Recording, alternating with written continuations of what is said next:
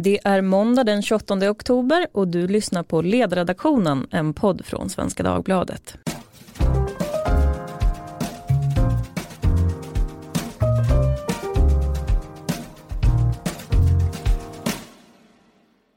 Jag heter Lydia Wåhlsten och idag ska vi prata om att den Islamiska statens grundare och ledare al-Baghdadi är död, vilket USAs president Donald Trump meddelade igår. Baghdadis död har varit ett av USAs högsta säkerhetspolitiska mål länge och priset på hans huvud har efter att IS föll i Raqqa och Mosul 2017 varit drygt 250 miljoner svenska kronor. Al-Baghdadi har kallats för spöket för att han har varit så osynlig och man har misstänkt att han gömmer sig någonstans längs den irakisk-syriska gränsen. För en månad sedan så började man få rapporter om vart han var och för två veckor sedan då hade USA lokaliserat honom.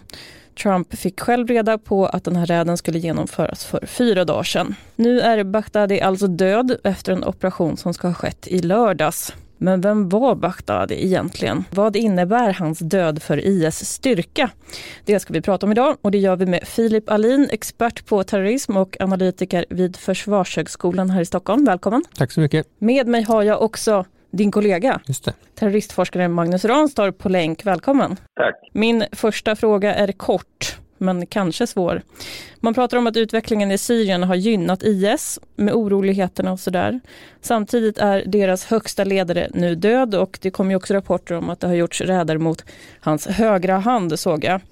Men den senaste månaden, har det varit en försvagning eller en förstärkning av IS? Vad säger du Filip? Jag skulle nog säga att kortsiktigt så kan ju det här vara en försvagning av gruppen, eh, framför allt när det gäller kanske imagemässigt och PR-mässigt. Eh, Baghdadi var ju den som på något sätt eh, förkroppsligade kalifatet och han utropade sig själv också till till eh, ledare till khalif för det här eh, kalifatet. Men långsiktigt skulle jag säga att det som skett de senaste veckorna med USAs tillbakadragande och det maktvakuum som har skapats, eh, det kaos som också har skapats i samband med att de kurdiska styrkorna har fått fokusera på annat. Långsiktigt så tror jag att det har stärkt gruppen mer än, mer än den här kortsiktiga förlusten har gjort. Mm. Så vad är svaret? Om du måste välja?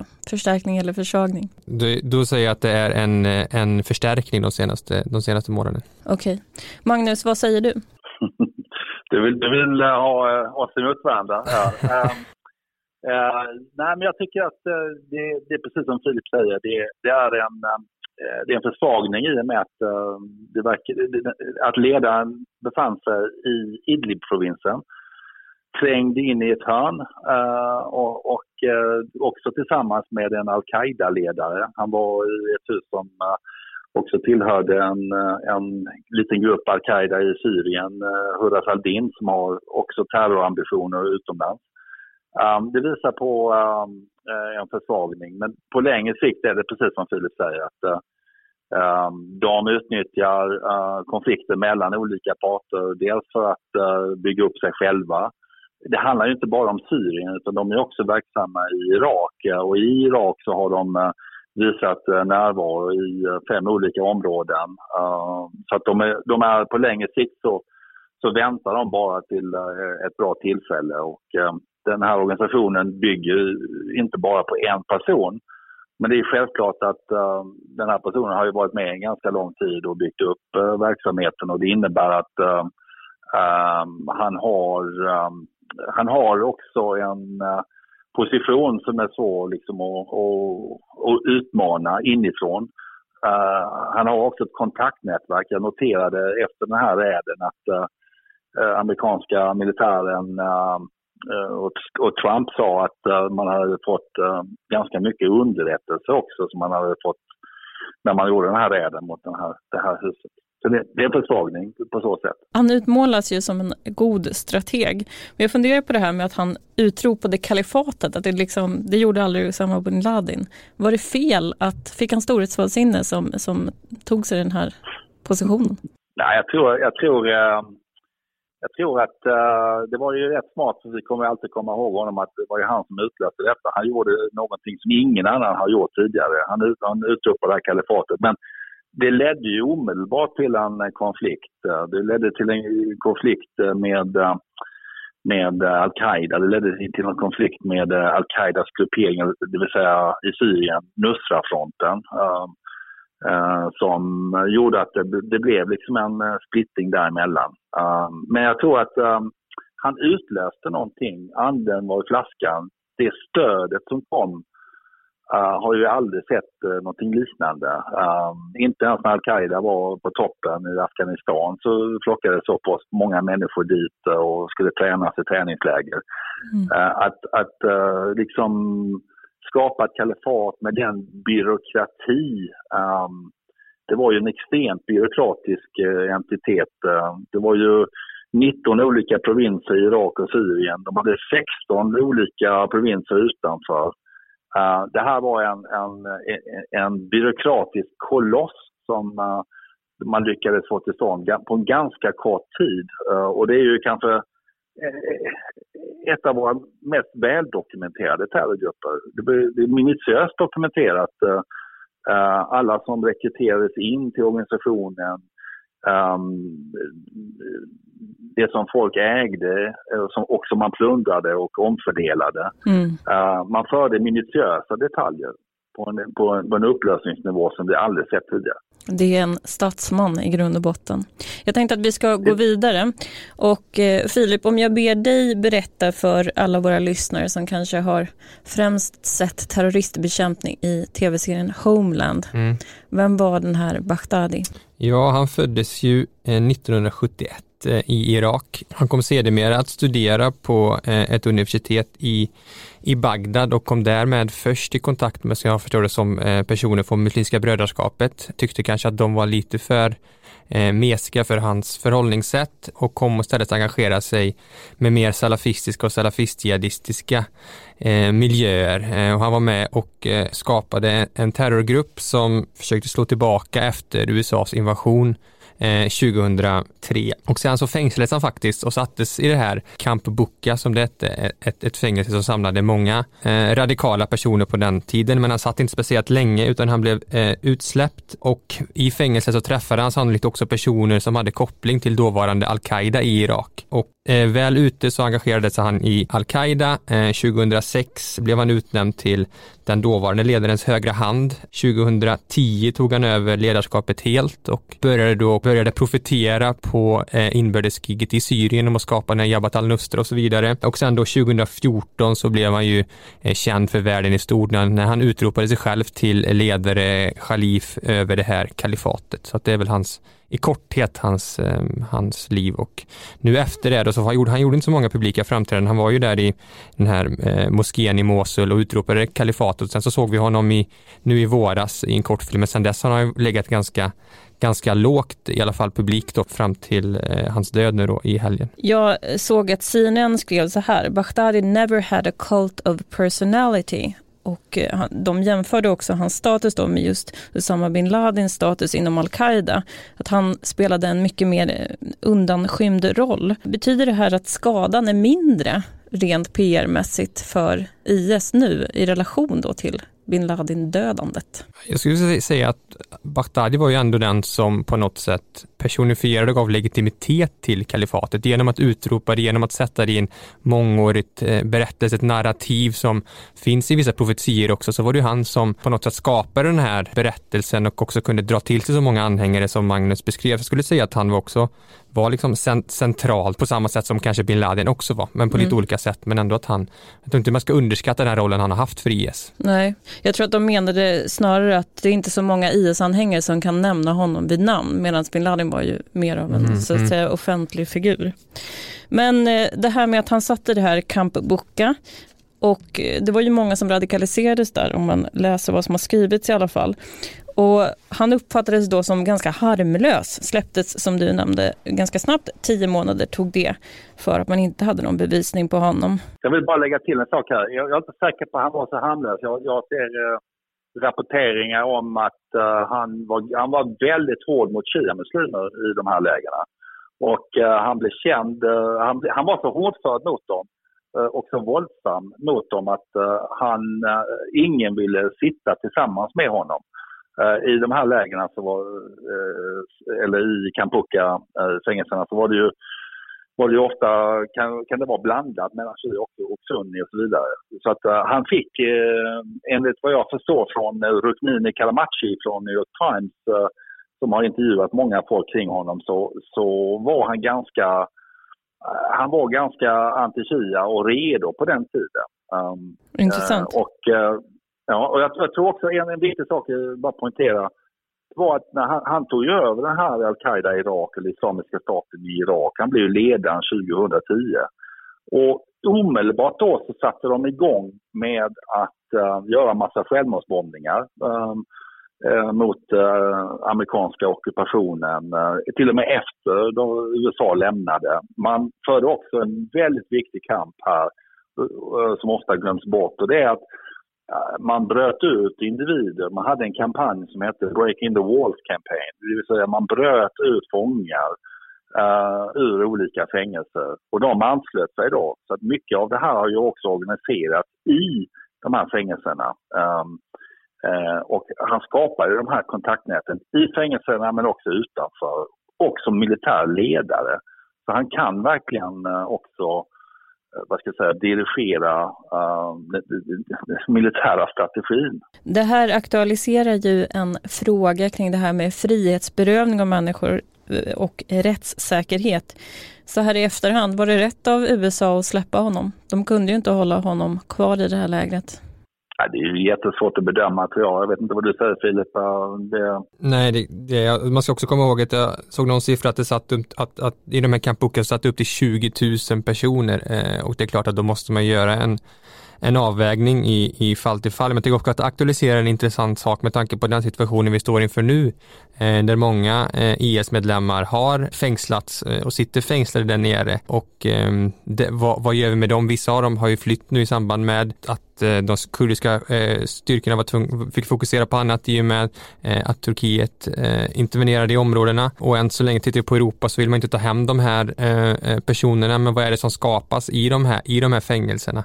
Ehm, så att man, historien har lärt oss att fängelser kan ju vara, både i Europa men framförallt kanske här Eh, som Kambuk illustrerar, kan ju vara en, en grogrund för radikalisering och extremism. Och det är också en, en, en väldigt viktig mobiliseringsverktyg för, för eh, den 16 september i år så gick Bagdad ut eh, i, i, ett tal där han, där han vädjade till anhängare till att försöka frita de här fängslade uh, IS-fångarna antingen i fängelse eller i Al-Hol-lägret. Eh, om man ser då på spekulationerna kring eh, hur USA fick reda på var Baghdadi befann sig så har ju det blivit stor politik direkt förstås givet situationen. Turkiet påstår att de var inblandade. USA menar att de bara meddelades. Och samtidigt så kommer ju andra rapporter då om att det var eh, kurdiska styrkor som hjälpte USA hur tror ni att det här har gått till? Som jag förstår det är alltid som du säger att det är olika parter som vill eh, ta, ta cred givetvis och det finns ett informationsunderskott eh, till viss del. Men så som jag förstår det som så är det eh, både eh, de kurdiska styrkor som har varit behjälpliga eh, i, den här, i den här operationen både eh, i Irak och Eh, i Syrien, att eh, det här var de här US Special Operations var eh, åkte från Ebril i Irak och åkte sedan då in till, till Syrien så som jag förstår det som. Ehm, så att det var väl framför allt de kurdiska styrkorna som jag förstår det som, som varit behjälpliga. Jag vet inte du Magnus om du har sett någonting annat som jag missar? Det som rapporteras också är att, att man, man fick tag i en av hans kurirer och mm. också en av hans fruar som man kunde ge vidare, eh, vidare eh, ja, var platsen där han befann sig. Så att, och när, när, när väl den amerikanska underrättelsemaskineriet riktar in sig på en person och liksom fokuserar på detta, CIA har varit inblandade i, i det här. Och, och, då har man haft spaning på den här byn som ligger i nordvästra eh, Syrien. Och Eh, då har nog säkerligen kurderna och andra varit inne där. Eh, det, är väldigt många sådana här uh, jihadistgrupper som är där. FN beskrev det som världens största samlingsplats för jihadister, just Idlib-provinsen. Mm. Men han var ju väldigt nära gränsen och det är ju liksom frågan om, visste verkligen inte Turkiet om detta? Det är de som kontrollerar gränsen också. Så att, eh, det, det, det, ibland är det svårt att veta vad som är upp och ner i den här världen. Mm. Det drar lite, kort bara lite paralleller kan ju vara till eh, operationen mot Osama bin Laden som väl också, du får rätta mig om jag har fel Magnus, men som också initierade av, av att man hade av en, av en kurir som man började undersöka och på så mm. sätt fick man upp spåret och det var också att som Magnus är inne på att han var så pass nära, nära eh, Turkiet, hur mycket visste de på samma sätt befann sig bin Laden inne i Pakistan, hur mycket visste den underrättelsetjänsten och så vidare. Så att det här, det, det, det drar ju skugglinjer dit bak också så att säga. Jag har ju pluggat i USA och en av mina kompisar, hennes kusin var med i här Delta Force när mm. Osama bin Laden togs ut. Och jag kom på det nu när jag läste beskrivningen av hur den här operationen har gått till. Det var ju väldigt likt. Man flyger lågt med helikoptrarna, man går in med de här eh, hundarna och eh, ja, man hade sex soldater säger rapporterna och två drönare. Och det ska ha tagit eh, ungefär två timmar. Och sen så hade ju Bagdadi själv då på sig en självmordsväst, troligen, eh, och drog med sig tre barn in i en tunnel som han sen detonerade. Och tog med sig barnen in i döden då. Men eh, nu är han död och den som efterträder honom sägs bli någon som heter Abdullah Kardash och han ska ha arbetat för Saddam Husseins armé. Jag tänkte fråga er, om man skulle sätta ut en platsannons efter den här nya ledaren för IS, vad skulle det stå i en sån jobbeskrivning? Vad gör de på jobbet? Ja, alltså det, första, det första kravet du måste ha är att det måste vara i linje med profeten Muhammed och då kommer det ofta från eh, Qureshi-klanen. Så det är liksom en, en jobbeskrivning, att du måste ha det måste vara en nedstigande led från profeten. Det var det sägs i alla fall att eh, Bagdadi var det. Sen, är, sen är, har han kanske aldrig visat riktigt bevis för det. Men det är en viktig komponent. Och sen måste du också kunna det militära hantverket. För det, det här handlar egentligen om att du har småceller lite utspridda. Du måste också kunna, du måste också kunna vara väldigt uh, duktig på um, signalspaning, att kunna Eh, träda in i skuggorna och att kunna kommunicera med de här olika grupperingarna. Så att, eh, du måste också ha ett ganska stort nätverk av personer du kan lita på. Då menar jag absolut lita på. Um, så att, eh, men det ingen, blir ingen lätt uppgift um, i och med att det, det har blivit så decentraliserat. Och det handlar inte bara om... Alltså, de här provinserna jag beskrev innan, de har ju delat upp, de erkänner ju inte staternas gränser. Så då hade de 19, 19 provinser i Irak och Syrien och 16 utanför. Men hur styr man en sån apparat när man ligger och um, är väldigt rädd för det man gör elektroniskt och hur kommunicerar man mellan de här olika delarna? Så det måste vara en ganska bra organisatör och det, det blir det ofta om du har militär bakgrund. Man väl också lägga till bara kort, det ska väl också vara en person som i alla fall anser sig ha väldigt god skolning i islam, i alla fall, eller i alla fall kan övertyga andra att man har det. Alla de här sakerna eh, tillsammans, att man ska komma från eh, den här Karachi-klanen eh, och att man ska få god skolning i, i, i, islam och alla de här andra delarna gör ju att Ehm, det är inte, sannolikt kanske inte jättemånga som, som man kan finna som passar in på den beskrivningen. Men eh, det verkar ju som att Baghdadi var ganska paranoid också och inte litade på så många i sin närhet. Jag läste någonstans i New York Times tror jag kring hur det gick till då när man hade möten med honom. Och då eh, får man åka i blindo flera timmar till en plats där han väntar och så får man träffa honom och sen så lämnar han först och först efter några timmar igen då så kan personerna åka därifrån. Han ska ju, som du nämnde Magnus, kring det här med elektronisk kommunikation, man fick inte ha någonting, inte ens klockor fick man ha, de som var nära honom. Men hur styr man då i praktiken en sån organisation? Han skrev bara och talade? Ja, nej, men alltså, du behöver då eh, lite olika kurirer som eh, kan, eh, som kan eh, sen operera eh, lite öppet eh, på olika sätt. Så att, har du ett antal kurirer som... Eh, men problemet blir då om får du tag i får du tag i någon av de här kurirerna så kan du bli sårbar. Och eh, problemet var ju då med, med den här organisationen var att de hade ju dokumentation på allting. Så när de blev den här staten så vidare så var ju allt eh, inför öppen ridå. Och det blev ju också dess svaghet för att Eh, de här dokumentationerna finns ju hos eh, vår militära underrättelsetjänst, jag menar alla inom NATO som jobbade mot den här organisationen. Och, och du, men det blir väldigt svårt att styra. Därför, man, därför så, handlar det om små celler egentligen och små individer som man, du har absolut litar på och som du sen kan du kommunicera genom kurirer. Jag eh, googlade beheadings IS innan vi poddade idag för att påminna mig om vad IS har gjort. Hur skyldig är Baghdadi för de här liksom enskilda dåden? Eller vad man ska säga.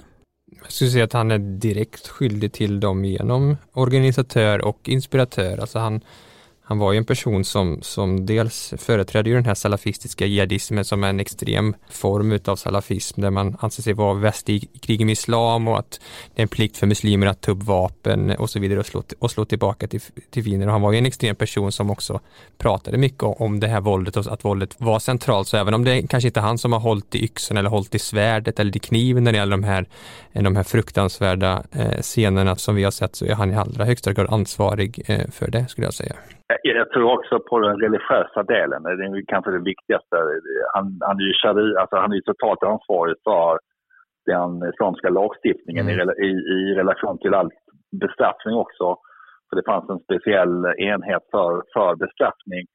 Uh, så det går direkt, i, i, direkt linje från honom. Han gav direktiven vad som, vad som skulle vara straff och så vidare. Och så gick det ner och så applicerades det på, på marknivå.